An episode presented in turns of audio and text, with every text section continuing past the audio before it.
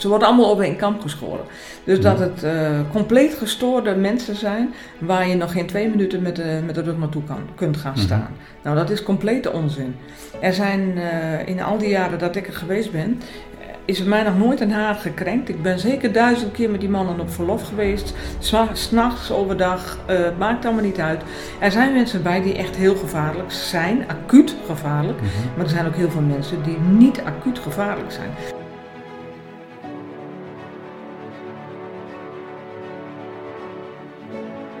Dat die slachtoffers in beeld blijven. Dat je die ook heel goed in beeld hebt. Want daarvoor doe je het voor een deel ook. Hè? Je doet het om de maatschappij veiliger te maken, die behandeling.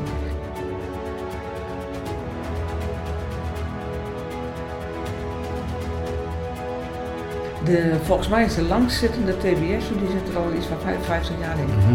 Voor een relatief, zeg ik, relatief licht vergrijp.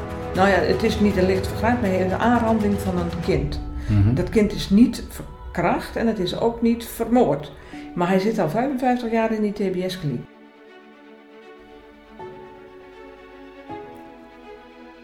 Je hoort fragmenten uit het interview met Carolien Roodvoets, die 10 jaar in een TBS-kliniek gewerkt heeft. Eerst als sociotherapeut en later als gezins- en relatietherapeut. Ze kent de TBS-wereld hierdoor van binnenuit. Het TBS-systeem komt meestal in het nieuws bij incidenten, waarna iedereen daar direct een uitgesproken mening over heeft. Bij deze discussies over TBS blijkt vaak dat de kennis over deze materie gebrekkig is. In deze podcast gaan we in op het leven en werken in een TBS-kliniek. Wie zijn er opgenomen? Zijn ze allemaal acuut gevaarlijk? En wat houdt de behandeling in? Veel luisterplezier bij deze informatieve 35e aflevering van de Gouden Graal podcast. I feel like a. I'm so strong. Bring me the legacy. I'm so fun.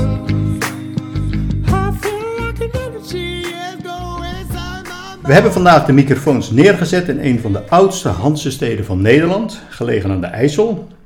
Naast het jaarlijkse Dickensfestijn is hier nog de oudste nog bestaande stenen huis, de Proosdij van Nederland, te vinden. Aan de andere kant van de microfoon zit Carolien Roodvoets.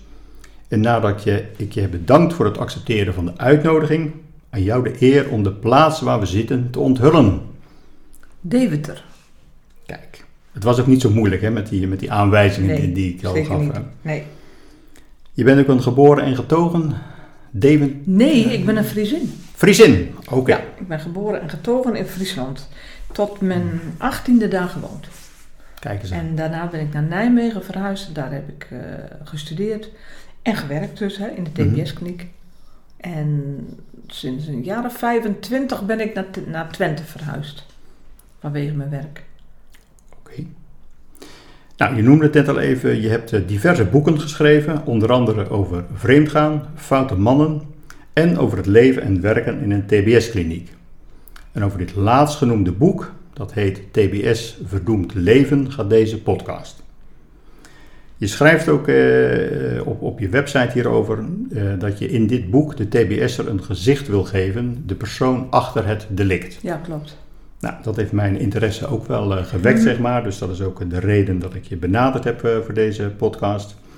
Je hebt ruim tien jaar in de pompenkliniek in Nijmegen gewerkt. Ja. Eerst als sociotherapeut en later als gezins- en relatietherapeut. Ja. Nou, kun je als eerste uitleggen wat er gebeurt als een rechter een veroordeling uitspreekt met een verplichte TBS-behandeling? En voor alle duidelijkheid, waar staan de letters TBS voor om mee te beginnen? TBS eh, staat voor ter beschikkingstelling. En het is dus een maatregel. En het is eigenlijk geen straf. Hoewel eh, de TBS'er het wel als een straf zal ervaren.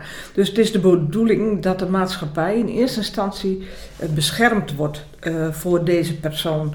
En daarom, daarom noemen ze het een maatregel. Daarom spreken ze van een maatregel. En het is, ehm, deze TBS-maatregel beschermt dus de maatschappij en legt dwingend een behandeling op. De, deze TBS-behandeling wordt dan in een TBS-kliniek eh, aangeboden. Maar voordat die TBS eh, aangeboden wordt, eh, is het niet zelden zo dat er ook al een gevangenisstraf aan vooraf is gegaan. En dat is toch een, uh, beetje discutabel, omdat dan mensen toch lang moeten wachten op zo'n behandeling. Dus ik ben eigenlijk voorstander van dat zo'n TBS-behandeling direct in kan gaan. Mhm. Maar ja, er is ook, dan kom je weer op een andere ingewikkelde term, dat is de toerekeningsvatbaarheid. Van dus in welke mate kan een uh, zeg maar, iemand die een delict gepleegd heeft, uh, verantwoordelijkheid nemen voor dat delict. Als iemand volledig ontoerekeningsvatbaar was, dan wil het voorkomen dat hij helemaal geen gevangen, hij of zij, helemaal geen uh, gevangenisstraf krijgt en direct naar de gevangenis of naar de TBS-kliniek gaat. Mm -hmm. Maar als ze vinden dat er dus een gedeeltelijke uh, ontoerekeningsvatbaarheid was, dan gaat er vaak eerst een gevangenisstraf aan vooraf. En dan, daarna wordt dus de behandeling aangeboden. Okay. Voordat we gaan beginnen met het echte interview, want daar komen ook nog een aantal aspecten van wat je net okay. noemt uh, aan, de, aan de orde.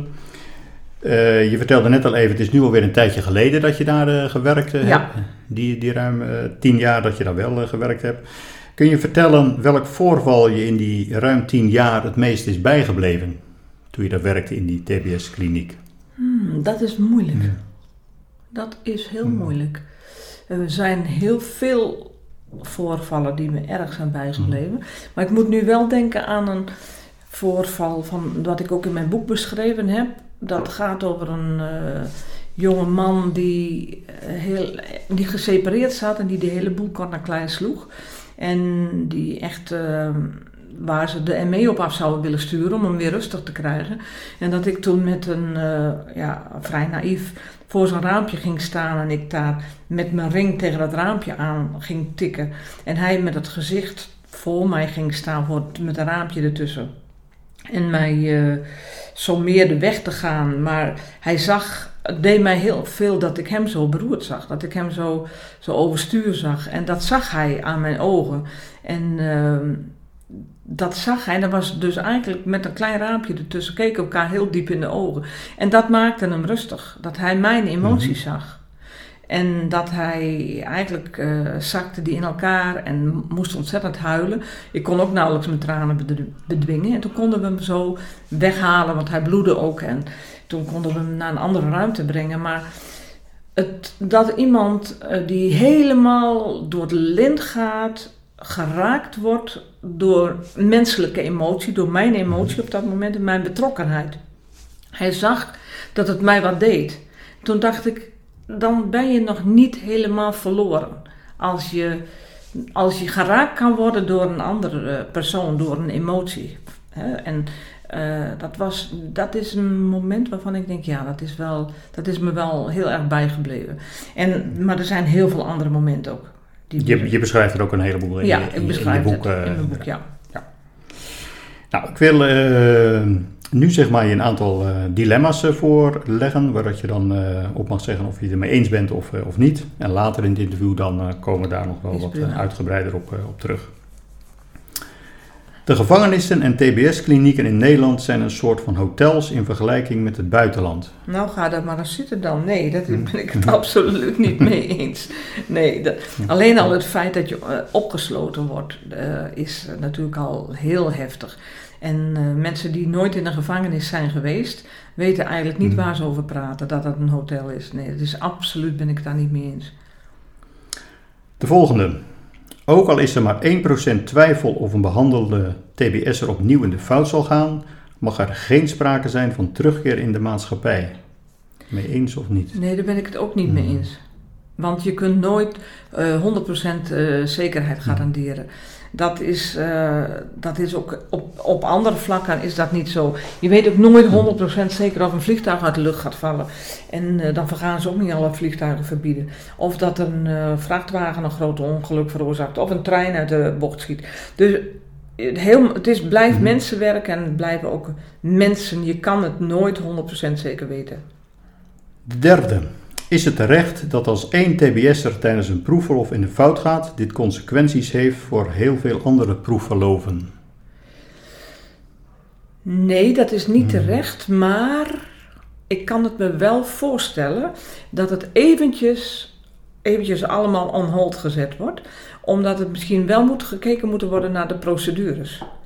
Dus misschien zijn er toch fouten gemaakt in dat systeem, hè, of eh, in de procedures die dan leiden tot zo'n verlof. Dus dat men heel erg schrikt en zegt, ho eens eventjes, we moeten even hier naar kijken of er ook andere fouten en of, wij, of er nog meer risico's zijn. Dus het is eh, beroerd voor degene die eh, dat betreft, maar ik snap het wel. Nou, de volgende heeft er misschien ook een beetje mee te maken.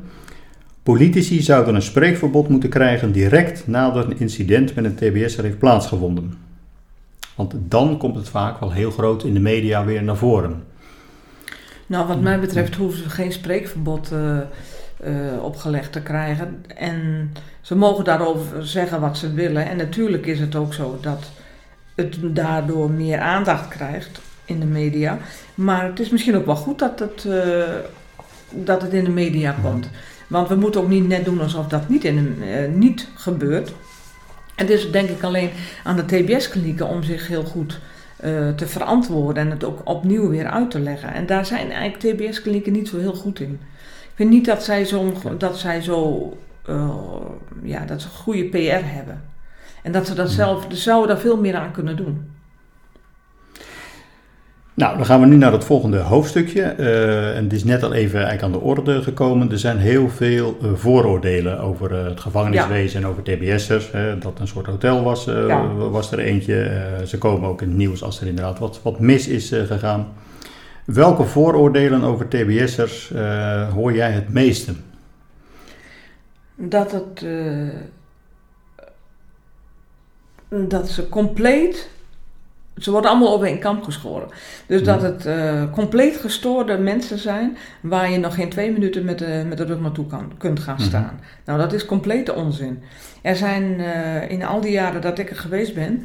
eh, is er mij nog nooit een haar gekrenkt. Ik ben zeker duizend keer met die mannen op verlof geweest. S'na- S'nachts, overdag, maakt allemaal niet uit. Er zijn mensen bij die echt heel gevaarlijk zijn, acuut gevaarlijk. Maar er zijn ook heel veel mensen die niet acuut gevaarlijk zijn. Dus dat de Zo gestoord is dat die altijd acuut gevaarlijk zijn, dat je daar met de rug niet naartoe kunt gaan, gaan staan. En toch is dat een beetje het beeld wat... Dat is het beeld en dat klopt niet. Mhm. Dus de, er bestaat, eh, er zijn, eh, ik geloof op dit moment, dat, ik weet eigenlijk niet hoeveel TBS'ers er op dit moment zijn. Maar dat is natuurlijk, de ene TBS'er is de andere niet. En er zijn mensen die kun je eh, heel rustig mee eh, op pad gaan, eh, omdat ze op de langere termijn pas gevaarlijk zullen worden, wanneer ze in bepaalde omstandigheden komen. Maar er zijn ook mensen inderdaad waar je erg voor uit moet kijken, ook op korte termijn. Maar dat weten die klinieken heel goed wie, wie, ja, wie wel zo delictgevaarlijk is dat je er niet met de rug naartoe kunt gaan staan en wie niet. Dat weten ze, dat is ook niet zo heel moeilijk om daarachter te komen. Want hoe kijk je eigenlijk aan tegen dat eeuwige dilemma van TBS, dat we te maken hebben met menselijk gedrag, dat nooit voor 100% voorspelbaar is, en dat je ook niet kunt eh, resocialiseren zonder die proefverloven? Dat, dat blijft natuurlijk een dilemma. Ja, dus dat betekent dat je in die TBS-klinieken heel goed moet weten wanneer, onder welke omstandigheden die TBS'er, die meneer of mevrouw, gevaarlijk zou kunnen Mhm. worden. En daar is ook van allerlei onderzoeken worden daarover gedaan. En eh, daar is wel wat over te zeggen. Alleen het moet wel ehm, goed gemonitord worden dan. Zo'n zo'n TBS'er moet heel goed in de gaten gehouden worden. Er moeten voorwaarden geschapen worden. Je moet hem goed kennen, dus het is ook belangrijk dat er tijd overheen gaat waarop je iemand kunt leren kennen van in allerlei soorten eh, therapieën. Dus ja, dat proefverlof kun je niet omheen, dat is nodig, omdat je juist dan ook ziet dat, eh, hoe iemand zich buiten gedraagt. Dat is ontzettend belangrijk. Is belangrijke informatie voor de verdere behandeling. Want op, op wat voor soort zaken wordt er dan bijvoorbeeld gelet? Als Je vertelde al dat je heel wat proefverloven hebt, hebt begeleid, zeg maar. Eh, Ja. ik neem aan, daarna moet, moet dat in een verslag moet dat vastgelegd worden. Ja. Wat zijn dan de criteria waar voornamelijk naar gekeken wordt? Eh, hoe die zich gedraagt eh, in. eh, hoe die zich gedraagt tussen de mensen, tussen Mhm. andere mensen. Eh, hoe die met alcohol omgaat, hoe die met vrouwen omgaat. Al, hè, als het een zedendelinquent is, eh, hoe die met eh, zijn relaties omgaat, met familie of vrienden. Ehm, ja, gepast of ongepast gedrag. Ehm, eigenlijk op, ook hoe die met jou omgaat in de interactie. Houdt hij zich aan afspraken? Probeert hij voortdurend de grenzen op te zoeken? Of is het een, eh, ja, eigenlijk vooral ook om dat soort dingen. Maar het, het gaat met name ook over ja, delict gerelateerd gedrag. Hè? Dus een zedendelinquent, eh bijvoorbeeld, als je daarmee op pad gaat. Hoe gaat hij met vrouwen om? Is hij daar erg op gericht? Of eh, durft hij ze juist helemaal niet eh, Mhm. te benaderen? Eh, ehm, hoe, hoe voelt dat als je daarbij bent? Dat soort, als je daar met zo iemand op pad gaat, hoe voelt dat? Denk je ook dat ze zeg maar een bepaald toneelspel kunnen opvoeren tijdens die proeven verloven? Dat kan wel, dat kan wel, maar ehm, wij zijn er wel in getraind om daar een beetje doorheen te kijken. Mhm. En mensen weten natuurlijk niet precies waar wij op letten. Hè? En eh, wij weten ook niet zo goed. eh, of zij weten, om zo'n toneelspel vol te houden, 24 uur per dag, want het gaat niet alleen over dat proefverlof, Mhm. het gaat ook over hoe gedraagt iemand zich bij het eten. Hè? Hoe gedraagt iemand zich eh, s s'avonds bij de televisie, wanneer daar gewoon tussen mensen, mm, wanneer je met elkaar wat zit te kijken, hoe Mhm. eh, gedraagt iemand zich met kerst op een feestje. En dus er zijn, eh, het toneelspel, daar is men altijd heel bang voor, hè? dat ze de hele boel voor de gek houden. Mhm. Dat bestaat dat je je in de luren laat leggen door iemand die heel aangepast gedrag vertoont. Maar juist dan ben je extra alert. Dat je denkt, ja, waar zit die agressie van jou? Je bent hier eigenlijk, je loopt hier rond als eh, de directeur.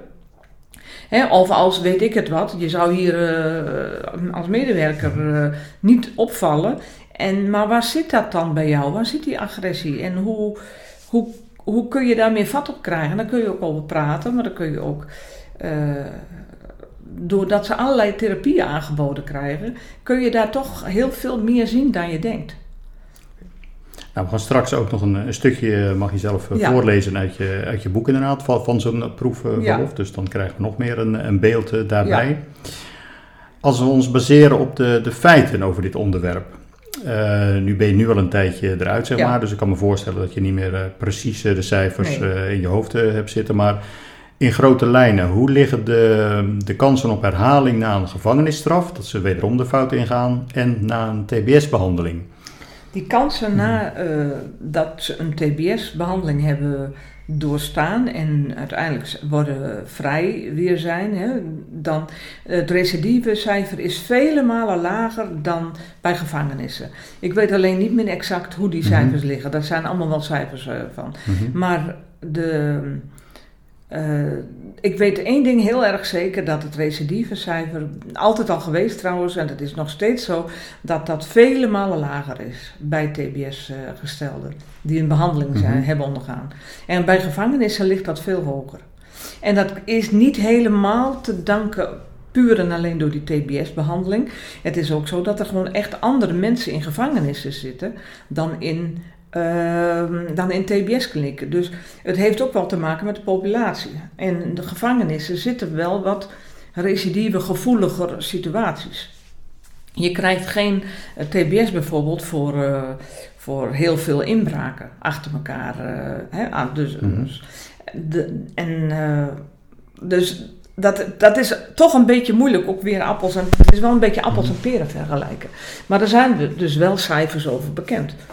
En eh, ja, er staat ook van alles van op internet. Dus mensen die daarin geïnteresseerd zijn, die kunnen dat ook uitzoeken. Want nu je dit vertelt, denk ik me eigenlijk van, is het dan eigenlijk wel logisch dat je, dat je bij een, zware misdaad die gepleegd is, eerst een gevangenisstraf oplegt en uit laat zitten en daarna pas die TBS-behandeling? Nee, dat is niet logisch Mhm. en ik vind het ook niet wenselijk. Maar dat is eh, soms noodzakelijk, vinden ze, omdat er ook een soort, eh, de, aan de straf zit ook een soort genoegdoening.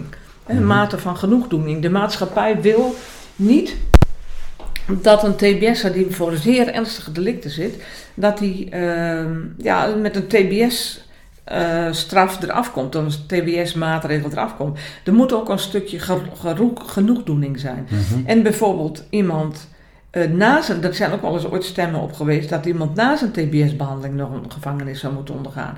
Nou, dat werkt helemaal niet. Dus dan maar daarvoor. En er zijn ook wel regelingen geweest die, eh, die ook ervoor zorgden dat iemand tijdens een gevangenisstraf al eh, in al min of meer in een TBS-kliniek geplaatst kon worden. Dus dat, of dat er een soort behandeling gestart kon worden in de gevangenis. Of dat iemand eh, vervroegd die TBS in een TBS-kliniek geplaatst mocht worden. Dus ze, daar, daar worstelen ze mee tot op de dag van vandaag. Hoe dat nou moet met die gevangenisstraf eh, versus eh, die TBS-behandeling. Voor mij zou dat, voor mij zou het mogen dat iemand direct in de TBS-kliniek gaat zitten. Maar dan misschien wel, als het, misschien moet daar gewoon dan, moet hij dan beginnen met die gevangenisstraf in die TBS-kliniek. Dus, eh, maar ja, dat staat ook weer een beetje juridisch weer wat haaks op elkaar. Maar stel dat iemand eh, anders vijf jaar zou krijgen, hè? vijf jaar en Mhm. TBS. Nou, zet diegene maar direct in die TBS-kliniek. En laat hem dan eerst maar toch wel vijf jaar zitten. Maar dan kan, kun je al wel invloed uitoefenen op die TBS. En, eh, of vanuit die TBS-kliniek kun je al wel invloed uitoefenen. Want je kan dan ook gelijk beginnen eigenlijk met, met, met, met behandeling. Ja, eigenlijk Mhm. wel. Met eh, behandeling, ehm, misschien wil je dat ook rustig aandoen, maar met beïnvloeding. Mhm. Hij komt in ieder geval in een ander klimaat terecht. Waar, waar er ook gewoon sociale vaardigheden aangeleerd worden. En, eh, en waar die in een ander klimaat komt dan in een gevangenis. Sommigen draaien ook werkelijk door hè, in zo'n gevangenis, worden er niet beter van. De eenzaamheid, de, Mhm. de andere criminelen die daar, eh, ook de angst, een zedend delinquent staat natuurlijk in een gevangenis al heel erg laag aangeschreven. Zet je die in een eh, Mhm. gevangenis, ja, dan wordt, dat, wordt die daar niet beter van. Op geen enkele manier. Maar nog even terug naar die, eh, die, die verloven, die, die proefverloven. Ehm, die, ik heb ook ge- gelezen dat eh, als je dat in een percentage uitdrukt in hoeveel procent van die verloven dat het, dat het misgaat, of dat, en dan hebben we het over misgaan, dat kan ook zijn dat eh, de TBS zich te laat bijvoorbeeld weer, weer meldt. Bijvoorbeeld, ja. Eh, dus zonder dat er ook gelijk weer een ernstig misdrijf eh, plaats, eh, plaatsvindt. Ja, als je dat in een percentage uitdrukt, dan is het eigenlijk eh, een paar cijfers achter de komma Klopt. Eh, dat, dat het echt, Ja. eh, echt misgaat. eh. Ja. Er zijn wel, ik, ik denk wel iets van 50.000 verlofbewegingen per jaar. Hè? Mhm. Dus dat die TBS'ers op verlof gaan. En nou, het gaat in, in, weet ik wel, 0,000 eh, procent, Mhm. eh 0,0001 of 4 Mhm. procent gaat dat mis. En dan mis betekent het dan dat iemand zich niet meer meldt. Dat iemand niet op tijd is. En dan gaat het nog eens een keer een groter percentage achter de komma. Eh, betekent dat ze dan ook een delict Mhm. plegen. Maar dat, het is echt heel weinig. Echt heel weinig dat, een- dat ze dan opnieuw een delict plegen. Dus soms komen ze niet thuis, Mhm. eh, niet of niet thuis, dan komen ze niet terug eh, naar de kliniek. En dat betekent dat ze of de trein gemist hebben, of toch bij hun vriendin zijn blijven slapen, wat niet de bedoeling was. Maar dan melden ze zich de volgende dag weer braaf. Ja. En natuurlijk heel af en toe dan gaat het ook wel, wel gruwelijk mis. Zeker, zeker. Ja, En, dat, dat is een trauma en Mhm. een trauma Mhm. voor zo'n kliniek ook. Mhm. Voor de, het slachtoffer natuurlijk eh, helemaal. Dus als je voor de TBS-maatregelen bent, dan betekent dat natuurlijk niet dat je eh, maar lak hebt aan de slachtoffers die er gemaakt worden. Ook de mensen die in een TBS-kliniek werken, hebben soms eh, contact met de slachtoffers. En, dan, en dat is ook goed, want dan weet je ook hoe gruwelijk, hoe gruwelijk de, soms ook Mhm. eh, de misdrijven zijn geweest. En je leest ook het dossier van A tot Z. En dan, dus je kunt niet om de slachtoffers heen. En het is ook heel goed dat die slachtoffers in beeld blijven. En Dat je die ook heel goed in beeld hebt. Want daarvoor doe je het voor een deel ook. Hè? Je doet het om de maatschappij veiliger te maken, die behandeling. Eh, biedt je, je biedt de, de behandeling aan omdat je ook de maatschappij veiliger wil maken. En dat diegene niet meer slachtoffers maakt. En als iemand dan toch een, opnieuw een slachtoffer heeft gemaakt, ja, dat is dramatisch. Dramatisch. Want de nabestaanden die zullen zeggen, eh, ja, heel goed dat er inderdaad geprobeerd wordt om het in de toekomst te voorkomen met zo'n TBS-behandeling. Maar wij als, uh, als achterblijvenden hebben gewoon levenslang gekregen. Zeker. En dat snap ik ook helemaal. En ik denk ook niet dat je dat de slachtoffers kwalijk moet nemen. En daar zal ik ook nooit met hun in, over in discussie gaan. Zij hebben ook levenslang gekregen. Dat heeft zoveel gevolgen voor, ja, voor, voor hun leven. Deze mensen hebben uh, levenslang. Maar als je een ernstig delict hebt gepleegd, heb je ook levenslang. Je moet dat de rest van je leven meetorsen. Mm Maar op een totaal andere manier. Hè?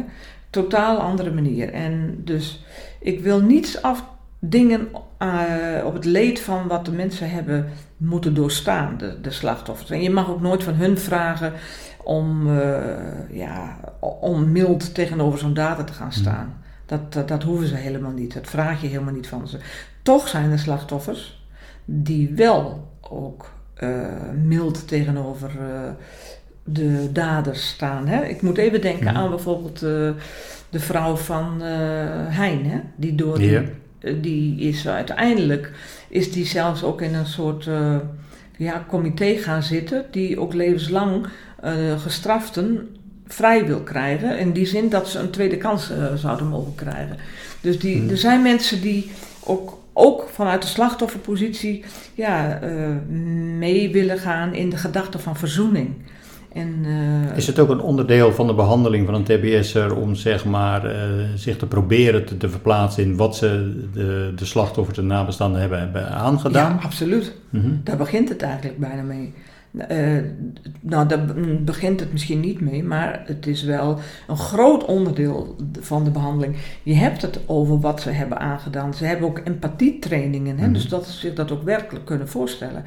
En uh, denk niet dat alle TBS'ers daar ook uh, lak aan hebben. Er zijn mensen die dat ja, toch een beperkte gewetensfunctie hebben, die zich dat nauwelijks kunnen voorstellen of kunnen inleven. Maar er zijn ook mensen die er werkelijk wel heel erg onder gebukt gaan. En dat is ook goed. Dat schuldgevoel moet je zo ook niet afnemen. Er zijn mensen die voelen zich ernstig schuldig. En dat is terecht, want ze hebben ook iets heel vreselijks gedaan.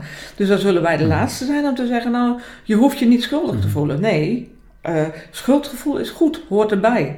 Dat is belangrijk dat je dat hebt. Kan je motiveren om daar weer uh, om, om, uh, te laten. Hè? En om in die behandeling je best te doen. Nu zijn we eigenlijk gelijk uh, helemaal in de TBS-problematiek uh, verzeild uh, geraakt. -hmm. we doen even een, een stapje terug. hoe ben je zelf in die TBS-kliniek komen te werken? Nou, dat zal ik je vertellen. Dat was mhm. meer toeval dan, dan wijsheid. Het was in de jaren 80 toen ik afgestudeerd was op de Sociale Academie. En ik had op kinderpsychiatrie gewerkt en die afdeling die ging dicht. En dus ik was werkeloos. En ik kwam die jaren mm. nog heel veel in de kroeg. en ik kwam daar, uh, ik zat in een, uh, aan een stamtafel waar iemand van een, uh, die daar in de TBS-kliniek werkte, die, daar zat ik een borreltje mee te drinken. Ik kende de helemaal niet, maar we raakten aan de praat. En ik zei dat ik werkeloos was. En toen zei hij, nou, waarom kom je niet bij ons in de TBS-kliniek werken? Ik zei, nou, dacht je dat ik dood wil of zo, dat ik levensmoe ben? En hij zei, hoezo dan? Dus toen raakten we daarover aan het mhm. praten. En ik zei, nou, ik heb rare indianenverhalen gehoord, hè? dit en dat, en zus en mhm. zo. Nou, hij zei, dat is allemaal onzin. Uh, toen kon hij daar eigenlijk een heel goed verhaal over vertellen. En ik dacht, nou, wat kan mij het schelen, ik ben werkloos.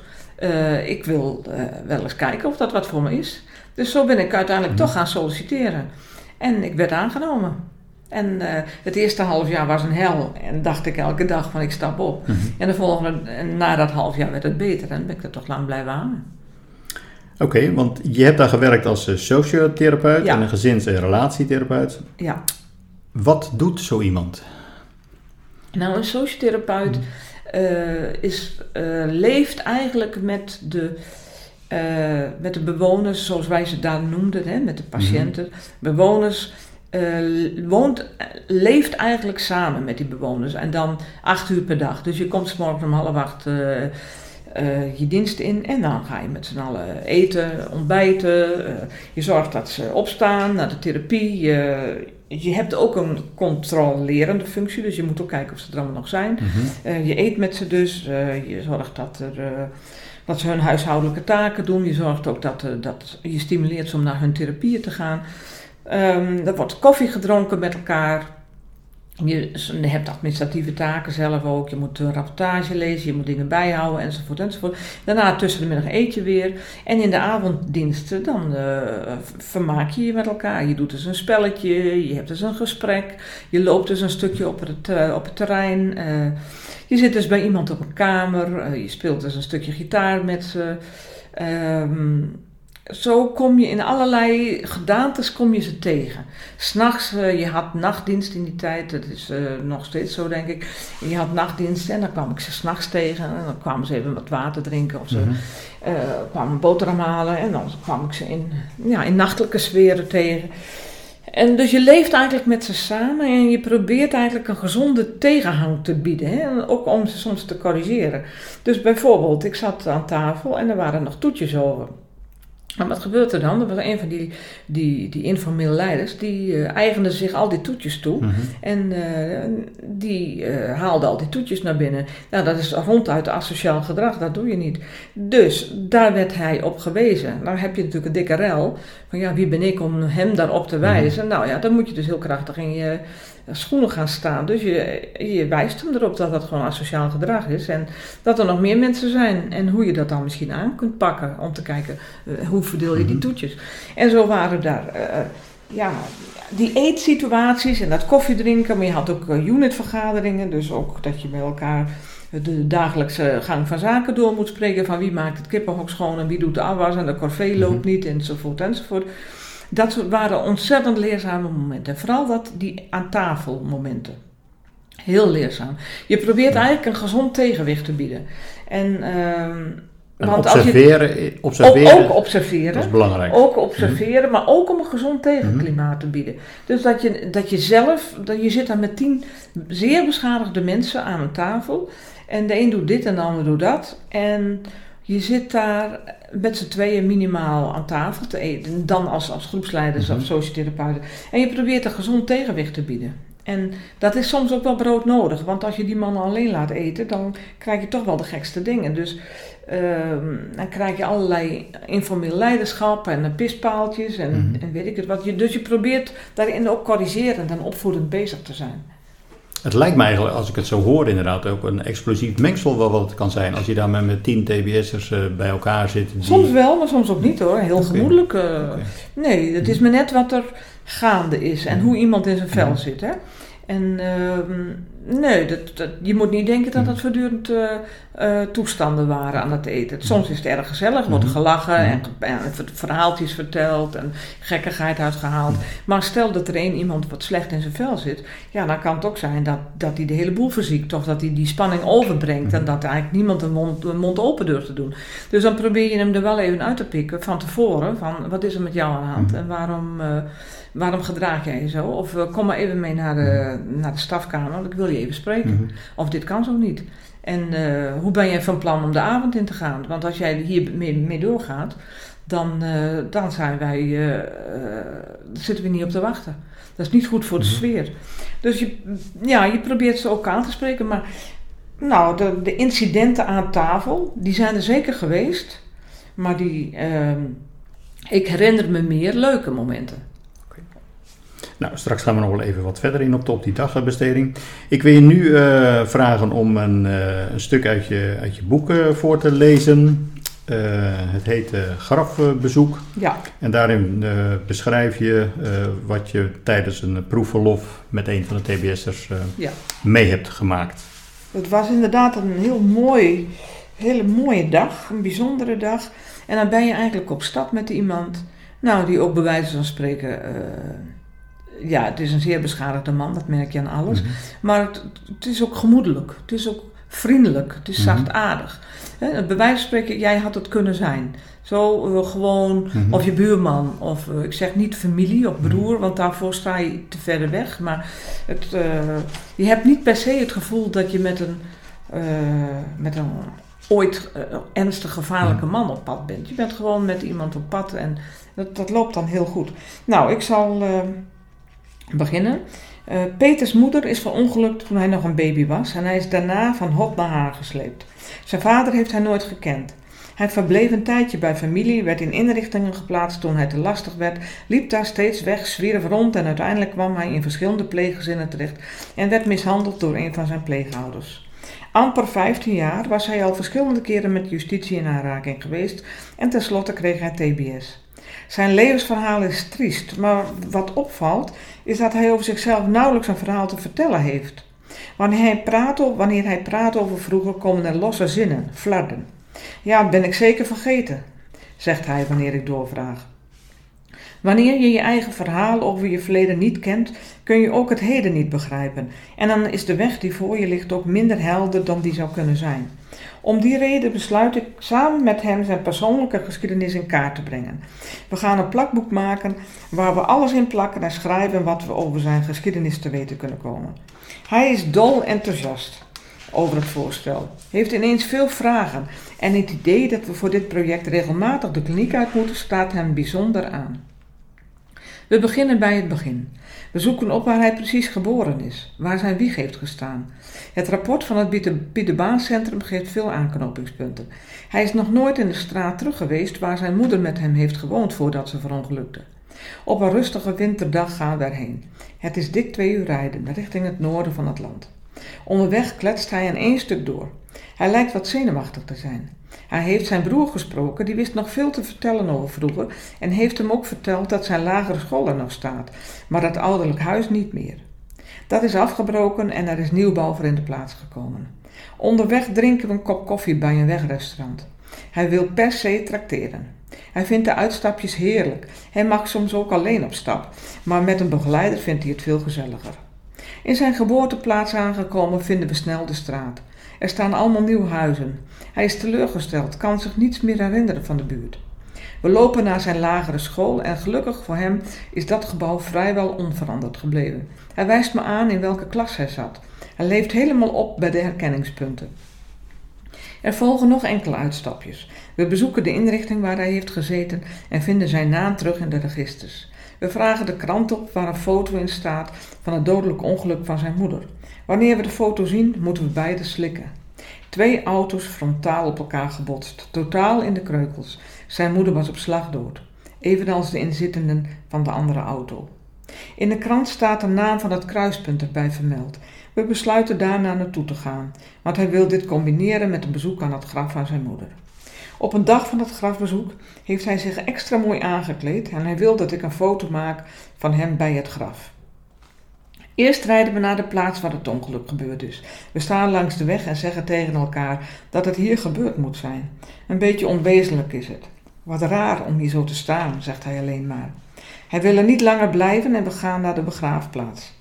We weten alleen dat zijn moeder daar moet liggen, maar we weten niet waar we moeten zoeken. We zwerven los van elkaar langs de graven, in de hoop haar en, haar achternaam en zijn achternaam te zien. De beheerder in het kantoortje helpt ons verder en noemt een grafnummer. We zoeken nog even en dan zien we de stenen. Een bijzonder mooi, slank zuiltje siert het graf. Hij leest haar naam hardop en ik hoor aan zijn stem dat hij geëmotioneerd is. Ik was nog zo klein toen ze stierf, zegt hij, alsof hij zich dat nu voor het eerst pas realiseert. Hij hurkt bij de stenen en omarmt haar. Zo wil hij op de foto. Terwijl ik afdruk, lacht hij krampachtig naar me. Neem er nog maar een paar, zegt hij. Stel dat ze mislukken. Na het grafbezoeken drinken we koffie in een café op de hoek. Hij is er stil van. Hoe is het? vraag ik. Gaat wel, zegt hij. Dankjewel. Nu heb je net al iets verteld over eh, hoe het leven toegaat in een TBS-kliniek. Uh, ehm, zou je nog iets meer kunnen vertellen over hoe dat een gemiddelde dag van een, uh, van een TBS'er uh, eruit ziet? En dan ook een beetje de, de regels van, van, van hoe gaat het met bezoeken? kunnen ze gebruik maken van, van internet, telefoon, recreatie, dat soort zaken? Ja.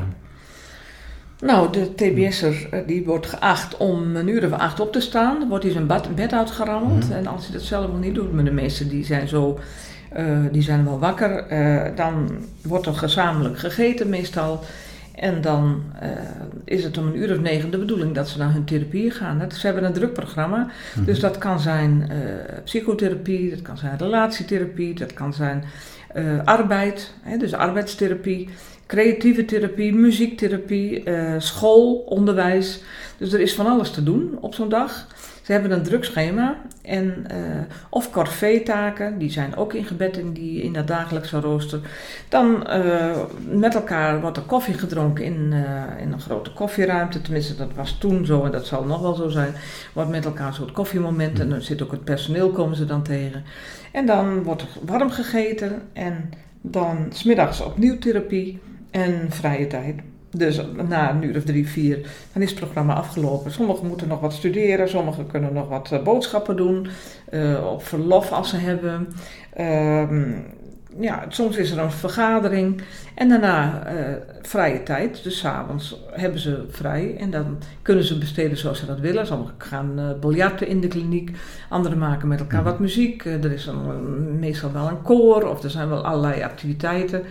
Dus, eh, of studeren nog een beetje voor de televisie hangen, bij elkaar op de kamer op bezoek. Eh, ze mogen vrij rondlopen. Eh, tenminste, op een gegeven moment, hè, dat- is vaak, zo'n kliniek is vaak opgedeeld in compartimenten, dus afdelingen. Sommigen hebben wat uitgebreider verlof en anderen die moeten eerst nog op hun eigen afdeling blijven.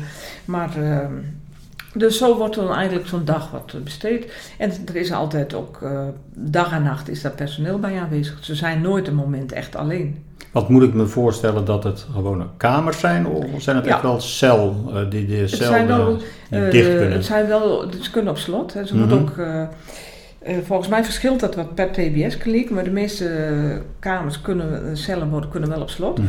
Het zijn kamers niet groot. Eh, je moet je dat zo voorstellen, eh, hoe nou drie bij drie lang, zeg maar, bij twee breed. Mhm. Meestal is er wel een kleine douchecel op de kamer. En, eh, maar er is ook een leefunit, een grote leefunit. En daar kunnen ze met elkaar koken en daar wordt er koffie gezet. En, sommigen zijn betrekkelijk weinig op hun kamer en anderen zitten er veel. Eh, maar er zijn dus die kamers, dat zijn geen grote... Er kan een bed staan en misschien nog iets persoonlijks. Dus in die zin lijken ze wel wat op gevangeniscellen. Die zijn ook niet veel groter. Ze hebben wel allemaal een televisie op hun kamer en muziekinstallatie. En eh, nou, een bed. En dan, maar ze, ze leven ook veel op zo'n unit, op zo'n leefunit. Dus Wat hebben ze bijvoorbeeld ook de beschikking over een, eh, een computer? Eh, Kunnen ze van internet eh, vrij gebruik niet, eh, maken? Nee, ze kunnen niet vrij gebruik maken van internet, want dan Mhm. konden ze natuurlijk ook allerlei zaken. Er was laatst nog Mhm. een lek, er bleek, stond in de krant dat er een, eh, in een TBS-kliniek eh, ehm, een aantal mensen ongestoord op internet had gezeten. Mhm. Dat eh, is absoluut niet de bedoeling. Dus dat wordt, wordt eh, misschien kunnen ze wel wat internetten, maar dat wordt dan eh, wel erg beperkt. Dus er Mhm. zijn allerlei methodes voor om ze dat niet. ze kunnen eigenlijk niet dus internetten. En hoe, hoe zijn En- de, de regels met, met bezoek? Bezoek moet Mhm. aangevraagd worden. Dat, ze worden gescreend. In de tijd dat ik er kwam, eh, werkte, eh, was het onderdeel van mijn werk ook als gezin- en relatietherapeut dat het bezoek gescreend werd. Mhm. Dus je, het was niet zo dat, eh, dat je denkt, nou weet je wat, eh, ik, ik ga, ik heb nog eens een, eh, ik heb een kennis in de TBS-kliniek zitten, ik, eh, ik ga hem eens opzoeken. Mhm. Dus hij, moet, eh, hij en zij moeten lijsten inleveren van wie ze graag op bezoek willen hebben. En dan wordt daar, eh, diegene die wordt gescreend en gekeken van, is dat iemand, een familielid of een vriend, wat is die relatie? Eh, worden ze, zitten de mensen die verdachte activiteiten uitgevoerd hebben. En dan mag er bijvoorbeeld, of bijvoorbeeld met vrouwen, met zedendelinquenten. Is dit verantwoord om deze man alleen te laten met deze Mhm. vrouw? Of is dat niet verantwoord? En dan wordt het bezoek begeleid. Kan hij dus niet alleen zijn met zo'n, eh, met zo'n vrouw. Ook niet met een nieuwe vrouw. Dus, en er wordt uitgebreid ook eh, verteld en eh, stilgestaan bij wat, wat hij gedaan heeft en welke risico's hij lopen. Dus we krijgen eigenlijk een stuk voorlichting over dat hele TBS-systeem. En dat is ook erg belangrijk, want Mhm. ze moeten natuurlijk wel weten in wat voor situaties ze zich bevinden. En ik neem aan dat de toegangscontrole ook heel, eh, heel streng is. Dat je Ja, gefouilleerd wordt, dat soort zaken. Ze worden, nou, meestal worden ze niet gefouilleerd. Maar ik denk wel dat, er een, dat ze inmiddels door een scanner gaan. Mhm. Eh, maar ze worden niet op het lijf gefouilleerd. En eh, tenminste, dat, dat denk ik op dit moment ook niet. Mhm. Maar we, tassen worden wel gecontroleerd ook. Goed nagekeken, maar dat zijn ook de detectiepoortjes en zo. Dat is inmiddels, in de tijd dat Mhm. ik te werken was het allemaal niet zo. We moet je alleen, kon je alleen de tas eh, eh, controleren, Mhm. dat werd ook gedaan. En er werd ook niet op het lijf gefouilleerd, maar op dit moment zijn er wel denk ik ook allemaal detectiepoortjes. Want ik kan me voorstellen dat een aantal van de, van de misdrijven zijn ook gepleegd eh, onder invloed van, van verdovende middelen. Dus. Ja, het is heel lastig. Mhm. Eh, het is erg lastig om verdovende middelen uit een kliniek te krijgen. Mhm. Ehm, ook uit de gevangenis. Het is wonderlijk, maar het lukt heel vaak toch om eh, drugs en ook drank om in, eh, in die kliniek te Mhm. krijgen. Eigenlijk is het niet helemaal uit te sluiten dat dat er komt. Want dan moet je zo streng beveiligen. En dus ook mensen die op verlof gaan, die kunnen natuurlijk, eh, als jij verlof hebt, dan kun je drugs kopen. Dat kun je onderhandelen Mhm. kun je handelen. En dat is dus niet helemaal eh, uit te sluiten. Dat is, en, en dat is moeilijk. Dat is, in een gevangenis komt het al binnen, terwijl daar heel weinig mensen op verlof gaan. Dus in een TBS-kliniek is dat nog vele malen moeilijker. Maar je merkt het wel en er worden ook wel Mhm. urinecontroles gedaan. En, dus we zijn er wel heel alert op. Dus als jij een vervent eh, drugsgebruiker was, dan wordt daar natuurlijk heel streng op gecontroleerd. En vooral als jij, ook, in- als jij de delicten ook onder invloed van drugs gebruikte. Maar het, het wordt, eh, ja, het is echt heel erg moeilijk om zo'n kliniek helemaal waterdicht te krijgen. Het lukt bijna niet. Dan, krijg je, dan kun je nooit bezoek eh, binnenlaten. Dan kun je, moet je zelfs medewerkers heel streng gaan eh, screenen. Dan kunnen mensen niet op verlof. Dus het is, een, ja, het is een zwak punt, maar het is ook heel moeilijk om dat helemaal waterdicht te krijgen. En moet je misschien ook niet willen. Weet je nog hoe lang dat een gemiddelde TBS-maatregel eh, duurt? Op dit Mhm. moment dacht Mhm. ik, ehm, eh, op dit moment geloof ik dat de cijfer zit op de vijf jaar gemiddelde TBS-behandeling. Mhm. Maar eh, waarschijnlijk, het was in de jaren dat ik er werkte, veel langer. Dus dat, dat, dat wisselt Mhm. steeds. Als er weer een incident is geweest, dan, eh, dan zie je dat die maatregelen veel langer duren, omdat ze dan gewoon angstig zijn voor die verloven Mhm. weer. Eh, maar dan slippen die klinieken weer dicht en dan komt er weer een, een soort ja, tegenbeweging die zegt, ja, die TBS moet niet zo lang Mhm. duren. En dan duurt het weer wat korter, dus dat, is nog, dat wisselt nogal. Maar ik, volgens mij ligt op dit moment de gemiddelde behandeling rond de vijf jaar. De. Want de TBS-maatregel die moet ook elke keer verlengd worden, heb ik uit je boek begrepen. Klopt, die moeten om de twee jaar, eh, eerst soms op een jaar, maar ook op een gegeven moment om de twee jaar eh, Mhm. moet die, eh, wordt er naar gekeken. Moet iemand voor de rechter verschijnen en die, eh, de kliniek moet dan vertellen wat hij gedaan heeft. eh, wat er aan behandeling eh, gedaan is Mhm. en wat er ook aan vorderingen gemaakt zijn. En, eh, en die doet ook een voorstel door van nou toch verlenging van de kliniek, want, eh, of toch verlenging, want wij moeten, we zijn nog lang niet klaar met deze man. En ehm, dan is het aan de advocaat van de cliënt om te zeggen, nou nee, maar die behandeling die heeft nou lang genoeg geduurd, of heeft wel vorderingen Mhm. gemaakt, of hij kan zelfs contra-expertise laten doen, hij kan deskundigen na laten rukken. Maar over het algemeen is het zo, hoe zwaarder het delict, hoe langer de behandeling duurt. En je kan echt niet, eh, als na een behandeling, als na een zeer ernstig delict, eh, de advocaat van de cliënt zegt, ja maar nou na twee jaar eh, is het wel klaar. Dan moet je niet op rekenen dat daar iemand in meegaat. Dus dat zal die advocaat ook heel vaak niet... eh, maar die zal wel voorwaarden proberen te Mhm. stellen van... Maar dan wil ik ook dat er wel wat gebeurt. En dan moet... er- Want soms hebben klinieken, vinden die advocaten dan ook de zaak niet op orde... En dan hebben ze niet genoeg eh, gedaan. Of eh, dan zal er toch, dan probeert die, die, die advocaat van die cliënt, die probeert eruit te halen wat erin zit. En eh, dus toch wat van verlof of toch iets meer ruimere bewegingsmogelijkheden. Maar dan moet de, de kliniek aantonen dat dat nog niet kan, niet verantwoord is. Dus die kliniek moet eigenlijk verantwoordelijkheid afleggen over de gang van zaken. En eh, nou, dat, eh, soms gaat dat erom spannen. Hoe langer die TBS-maatregel duurt, hoe spannender het natuurlijk wordt. Want er zijn ook mensen die, dat noemen ze de long stay Ja, nog, ja. die, die zeg maar bijna onbeperkte die TBS-maatregelen Ja. krijgen. Ja, die zitten daar al. De, volgens mij is de langstzittende TBS, die zit er al iets van 55 jaar in. Mhm. Voor een relatief, zeg ik, relatief licht vergrijp. Nou ja, het is niet een licht vergrijp, maar een aanranding van een kind. Mhm. Dat kind is niet, ver- verkracht en het is ook niet vermoord. Maar hij zit al 55 jaar in die TBS-kliniek. Dus dat is ook wel de kritiek op zo'n TBS. En dat is ook wel de angst van sommige mensen. Maar hij wordt toch zo delictgevaarlijk Hij is heel lang zo delictgevaarlijk geschat, ingeschat. En er is ook gedacht dat dit meer toeval is, of geluk dan toeval, dan wijsheid is, dat dat op deze manier is afgelopen met Mhm. dat kind. Dus hij is zo gevaarlijk ingeschat dat ze hem nooit hebben durven vrijlaten.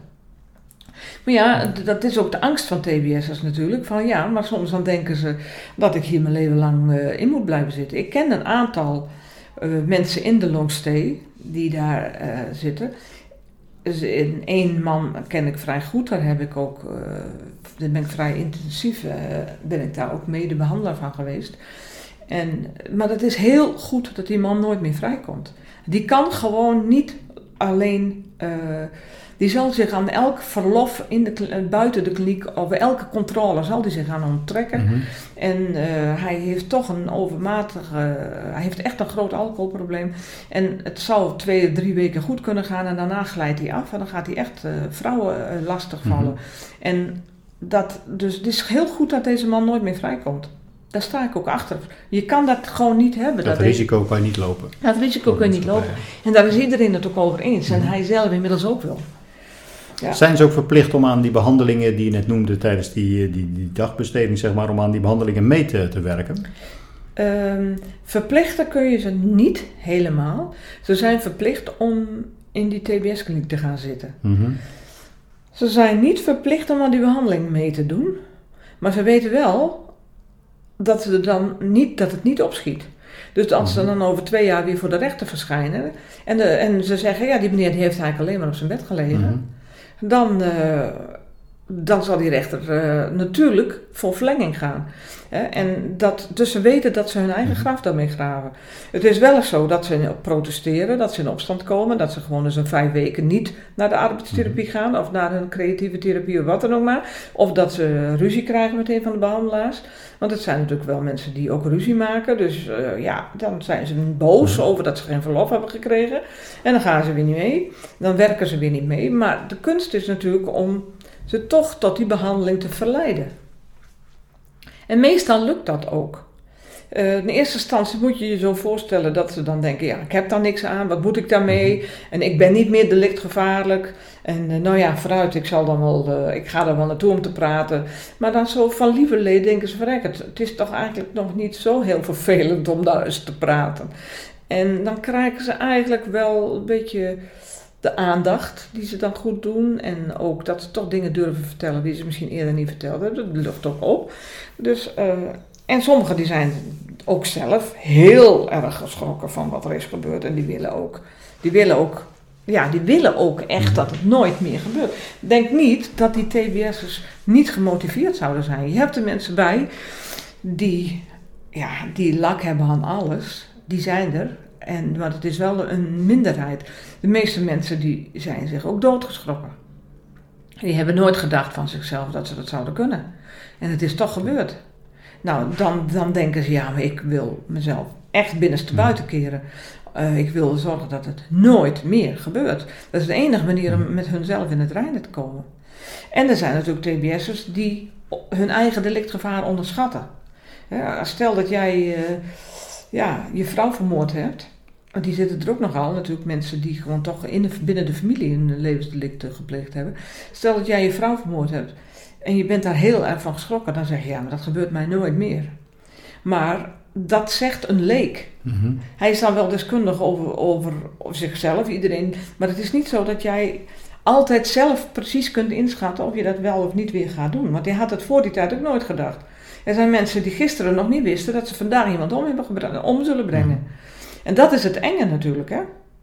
Dus dan kunnen ze wel zeggen, ja, maar ik zal het nooit weer doen. Maar dat is, eh, ja, dat, dat, dat zou ik ook zeggen als ik daar had gezeten. Maar je, daar, kun je niet van, daar kun je niet van uitgaan. Nou geef je in je boek ook een opsomming van de meeste oorzaken waar het in het verleden van een TBS'er vaak mis is gegaan. Welke levensfase komt hier in het meest naar voren? Het meest naar voren, ehm, ja, vind ik lastig. Kijk, er is geen TBS'er, durf ik rustig te stellen, zonder een enorm dossier. Ja, er zijn wel mensen die zomaar in één keer in die, in die TBS vallen, zonder dat er ook maar ooit iets gebeurd is. Maar de meeste mensen hebben, zijn als kind al heel erg beschadigd en verwaarloosd. En als je die, die verhalen leest, die komen pas natuurlijk soms op tafel op het moment dat er onderzoek gedaan wordt naar ze in het Pieter Baan Centrum, dan schrik je van de achtergronden. En dan verbaast het je ook soms niks. Zo ernstig verwaarloosd, zo verknipt, zo raar opgevoed. En dan is denk ik toch, nou ja, deskundigen zijn het er niet helemaal over eens, maar ik denk dat de eerste levensjaren wel heel erg bepalend zijn Mhm. geweest. De eerste vijf, zes jaar van je leven. Als je daar nooit een normale, dat je daar geen normale ontwikkeling eh, hebt. Kijk, ik heb mannen meegemaakt die hebben nooit een normaal bed gehad. Die, zijn maar, die hebben hier in de hoek gelegen slapen, die hebben daar in de hoek gelegen. Jeugdzorg, eh, die kwam er wel in, maar dan werd het, die ging er ook weer uit. eh, huiselijk geweld, seksueel geweld, vader en moeder die het voor de, voor de kachel deden, al publiek waar de Mhm. kinderen bij stonden. En dan moesten de kinderen meedoen. Mhm. En de gekste dingen heb ik gelezen. Mhm. Dan verbaast het mij helemaal niks dat je een compleet verknipt beeld hebt, bijvoorbeeld van seksualiteit of van vrouwen. Dat kun je ze bijna niet kwalijk nemen. Hoezo zou jij een normale seksuele ontwikkeling doorlopen als je zo, uit zo'n gezin komt? Dus ja, maar. Dus het is vaak een opstapeling van. Hè. Ze hebben al in hun ehm, prille jeugd al de meeste narigheid gehad. Dan volgt al een moeilijk pad op een lagere school, sociale problemen, pest, eh, kleine criminaliteit al. eh, dan een puberteit. eh, ja, dat loopt natuurlijk ook al mis. En dan vervolgens, ja, dan gaan ze relaties aan. Die relaties lopen voor geen meter. Ze hebben niet geleerd om hoe ze met agressie om moeten gaan. Ze hebben niet geleerd om te communiceren. Ze hebben niet geleerd hoe ze met seksualiteit om moeten gaan. Ja, en dan, dan kan het zo zijn dat je toch met bijvoorbeeld ook foute vrienden om je heen, of foute vrouwen om je heen, of wat voor situaties dan ook, dat je toch ergens in verzeild raakt. Dat kan. We zijn bijna aan het eind van het, eh, van het interview. Eh, voordat we overgaan tot eh, mijn vaste slotvraag aan het eind van het interview, wil ik je vragen: is er nog een bepaalde vraag die ik je vergeten ben te, te stellen? Of zou je nog iets over dit onderwerp verder nog kwijt willen? Ehm, ik denk dat het nog belangrijk is om iets te vertellen over, dat, over die ontoerekeningsvatbaarheid. Mhm. Wat dat eigenlijk voor term is. Dat is ehm, wat is nou precies ontoerekeningsvatbaarheid? Dat betekent dat je niet helemaal verantwoordelijk kunt zijn voor je daden. En dat betekent ook dat je niet per se een crimineel bent. Dus bijvoorbeeld het verschil tussen een Holleder en een TBS-gestelde is groot. Holleder, Holleder heeft overigens ook een hele be- beroerde achtergrond gehad. Dus die is ook niet voor niks eh, helemaal in de criminaliteit beland. Maar hij is wel heel goed bijzinnig geweest toen hij zijn delicten pleegde. Hij kon heel goed, eh, hij heeft ze voorbereid. Hij, hij wist heel goed wat de consequenties zouden kunnen zijn. Eh, dus hij kon volledig verantwoordelijkheid nemen voor zijn daden. Hè. Hij, is, eh, ja, hij heeft het voorbereid, hij heeft erover nagedacht. Hij eh, kon precies overzien wat er zou gebeuren als, ook als hij gepakt zou worden enzovoort. De meeste TBS'ers plannen hun delicten niet, het overkomt ze. Dus de meneer die zijn vrouw de kop in heeft geslagen, heeft dat niet gepland. Maar in een vlaag van woede en van opbouwende spanningen in die relatie, heeft hij misschien toch, de, terwijl die stond eh, te klussen, heeft- en zijn vrouw weer een, rotopmerking maakte eh, over, en hem vernederde, want daar gaat het dan vaak over, en hem eh, minachtte en vernederde, heeft hij mogelijk toch die hamer op de kop eh, geslagen en is hij helemaal door het lint gegaan. Dat heeft hij gisteren niet bedacht, dat is hem vandaag overkomen. En dat is zelfs met de zedendelinquenten is dat soms zo, dat zij ehm, wel soms ook hun eh, daden plannen. Dus dan gaan ze rondfietsen en dan kijken ze van... hè, wat er, eh, of er eventueel Mhm. potentiële slachtoffers zijn. Maar deze mensen worden toch ook eh, niet zelden gedreven door een enorme aandrang. Dus door een, ja, een soort, bijna een soort dwang, een soort must ook de, de brandstichter, die bouwt zoveel spanning in zichzelf op, dat hij eigenlijk niet denkt, nou, uh, gisteren, vandaag, uh, nou, ik weet je, dat is een mooie fik die ik daar eens even uh, kan maken. Maar een soort raar soort fenomeen dat hij binnen een, ja, een soort innerlijke drive die eigenlijk niet te houden is, die niet... Uh, dat kunnen wij als, als norm, redelijk normale mensen kunnen we ons niks bij voorstellen. Maar uh, het kan een soort verslaving zijn, een soort drang, drift die je moet, die je bijna moet doen. En, dat is vreselijk natuurlijk. Dat is ook afschuwelijk voor degenen die daar slachtoffer van worden. Maar het is ook. Uh, het is niet helemaal. Ja, het overkomt ze ook min of meer. En, als je, en er zijn gelukkig ook mensen die dat soort neigingen voelen bij zichzelf, die hulp zoeken. Ik heb ook in mijn, later in mijn praktijk als psychotherapeut ben ik mensen tegengekomen die, uh, ja, die hier hulp zochten omdat ze toch hele rare neigingen bij zichzelf constateren en bang waren dat ze zich zouden vergrijpen aan iemand, of seksueel of anderszins. En dan neem je verantwoordelijkheid voor je daden en dan ben je nog bij je zinnen. Maar ja, er zijn dus, die dus het grote verschil tussen een crimineel en een TBS'er is eigenlijk dat de TBS'er meestal zijn daden niet plant. En daarmee ook niet helemaal kan overzien wat hij, wat hij aanricht en wat hij doet. Maar wordt door zeer diepe, diepe, diepe stoornis en diepe impulsen gedreven. Duidelijke toevoeging. Oké. Uh, dan heb ik altijd een vaste slotvraag. Uh, je mag kiezen, wil je morgen minister-president worden of uh, minister van Justitie? en wat zou je dan als eerste beslissing nemen? Oh, dat is een hele lastige. Ik ben blij dat ik beide niet zal zijn. Nooit zal worden. Maar ik zou, als ik moest kiezen, dan zou ik natuurlijk minister van Justitie worden. En waarom? Wat zou ik dan doen? Ik zou heel kritisch kijken naar het uh, strafsysteem in Nederland. En ik zou onder andere die maatregel eraf willen hebben dat TBS'ers eerst gevangenisstraf moeten ondergaan. Mhm. Ik weet niet of ik daar veel over te zeggen zou hebben, maar ik zou daar wel, uh, ik zou daar heel kritisch naar kijken.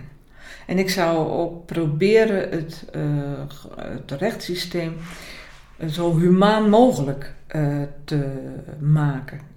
Ik geloof niet per se in dat straffen mensen helpt. Natuurlijk moet je wel uh, maatregelen treffen. Je moet ook beveiligen. ik ben wel voor een maatschappij beveiligen. Maar er zijn toch ook wel aardige projecten. Uh, bijvoorbeeld in Noorwegen weet ik dat er ook een project is. En die aantonen dat uh, gevangenissen ook humaan kunnen zijn. En socialer. En waardoor je gewoon betere mensen krijgt. En daar zou je wel daar zou je meer op mogen inzetten. Want op een maatschappij die voortdurend in een gevangenis alleen maar mensen nog crimineler maakt, ja, dat heeft totaal geen zin. Dus een humaan rechtssysteem. En, uh, en ik zal niet zeggen dat het nu uh, niet dat het bij de beesten af mhm. is hier. We hebben nog steeds een rechtssysteem wat ook uh, vergeleken bij andere landen helemaal het niet slecht doet.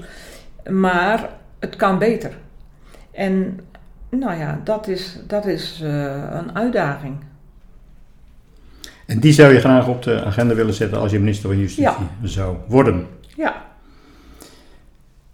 Dan wil ik je bedanken voor dit, uh, voor dit interview. Graag gedaan. Ik heb in ieder geval weer, uh, weer veel geleerd ehm, ook naar aanleiding van je boek natuurlijk. Eh, het is niet meer uh, te kopen, vertelde je net al. Nee. Maar misschien nog wel via de, de tweedehands Zeker. en in de bibliotheken. En in de bibliotheken is het inderdaad wel te, te krijgen. En mijn andere boeken zijn wel te koop nog. Hè? Een aantal. Kijk, als mensen nog meer over je te weten willen komen, waar kunnen zij dan eh, terecht? Op mijn website www.carolineroodvoets.nl Dat is een hele duidelijke. Dankjewel voor dit gesprek in ieder geval. Niks te danken.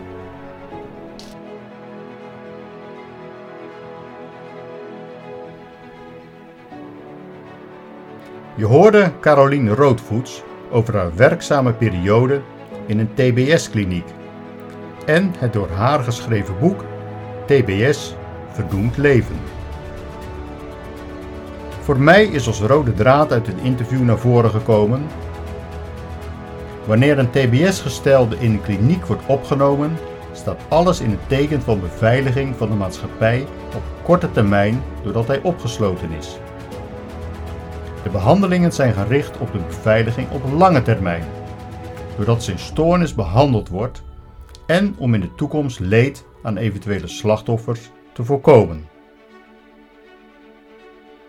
Voor nu bedankt voor het luisteren naar de Gouden Graal podcast en in de volgende aflevering gaan we op bezoek bij iemand die voor lange tijd een directeurfunctie in de grootste entertainmentdiscipline ter wereld heeft bekleed.